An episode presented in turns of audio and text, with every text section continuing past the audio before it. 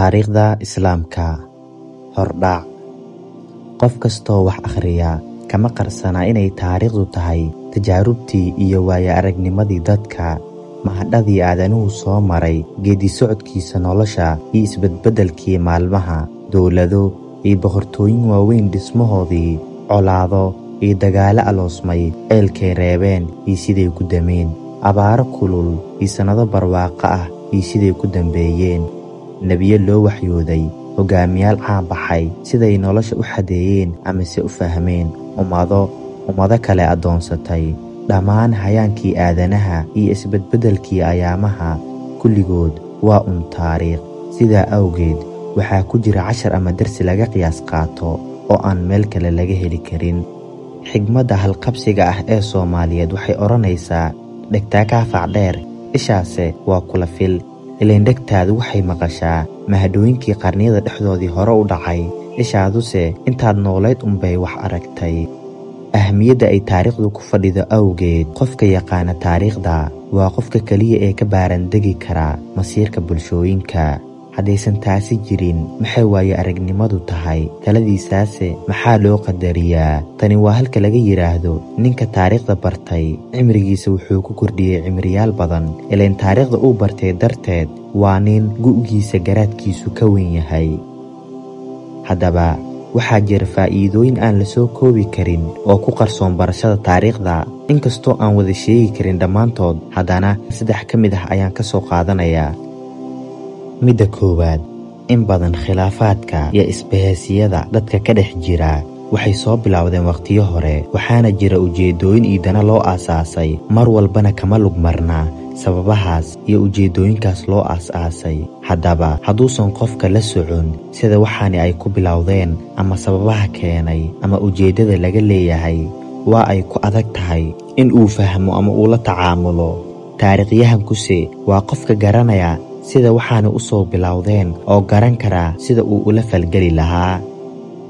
Midda labaad, in la iska ilaaliyo, lagana feejignaado khaladkii dadkii hore ku dhacay si cadna looga fakaro. Waa run, mustaqbalka waxa imaan doona alle cid aan ahayn ma oga.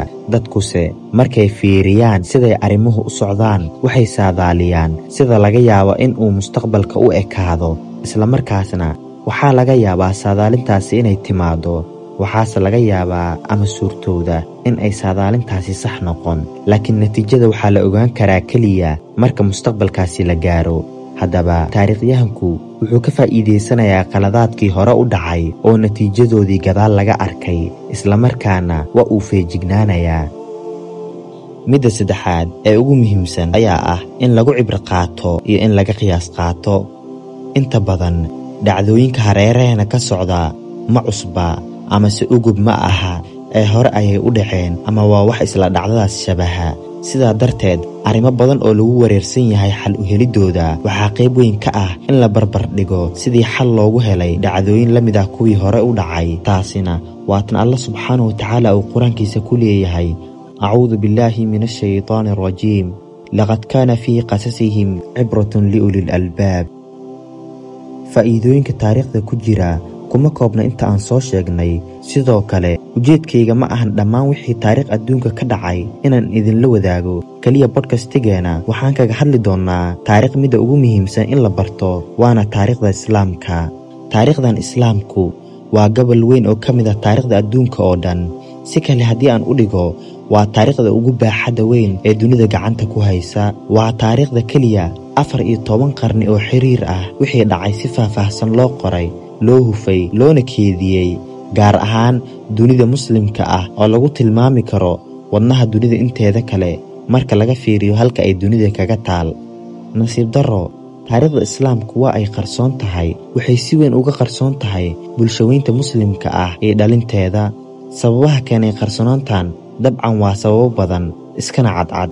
Waxaana ugu weyn in ummadda islaamka ahi ay ku dhacday gacan cadow oo gumaysto ah oo wiiqay lixaadkeeda mararka qaar waxaa laga yaabaa inaad isweydiinayso ma waxay ula dagaalamayaan islaamka iyaga oo soo gocanaya taariikh hore oo muslimiintu ay qabsadeen dhul badan oo kirishtaanku lahaa.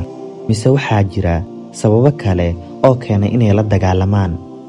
Sida ka muuqata khiraalada ay samaynayaan qayb ka mid ah hoggaanka reer galbeedka waxay ku tusinaysaa in ay jiraan waxyaabo kale oo ku kalifay in ay la diriraan muslimiinta iyo taariikhdooda. Waxaana ka mid ah in ay u arkaan in islaamka uu yahay derbiga hortaagan gumaystaha waxa uu dhahay lawrence brown islaamku waa derbiga keliya ee hortaagan isticmaalka reer yurub. Ujeeddo kale ayaa jirta oo ay ka mid tahay in ummaddan la ilowsiiyo dhammaan casrigeedii hore iyo xadaaradeedii qaangaartay si loo faafiyo dhaqamo iyo fikrado lagu maran habaabinayo. Xaakimkii aljeeriya ee faransiiska ayaa boqol sano guuradii ka soo wareegtay gumaysigii ay ku hayeen aljeeriya ayaa wuxuu yidhi kama guulaysanayno jasaa'iriinta intay akhrinayaan qur'aanka carabigana ay ku hadlayaan. Waxaa waajib inagu ah inaan tirtirno qur'aanka gacmahoodana ka saarno kana beddelno luuqadda carabiga.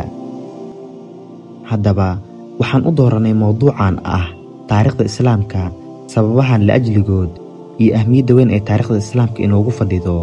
Sidoo kale taxanahan taariikhda islaamka waxaan uga sheekayn doonnaa insha allah habka la sarsaaran casri walba.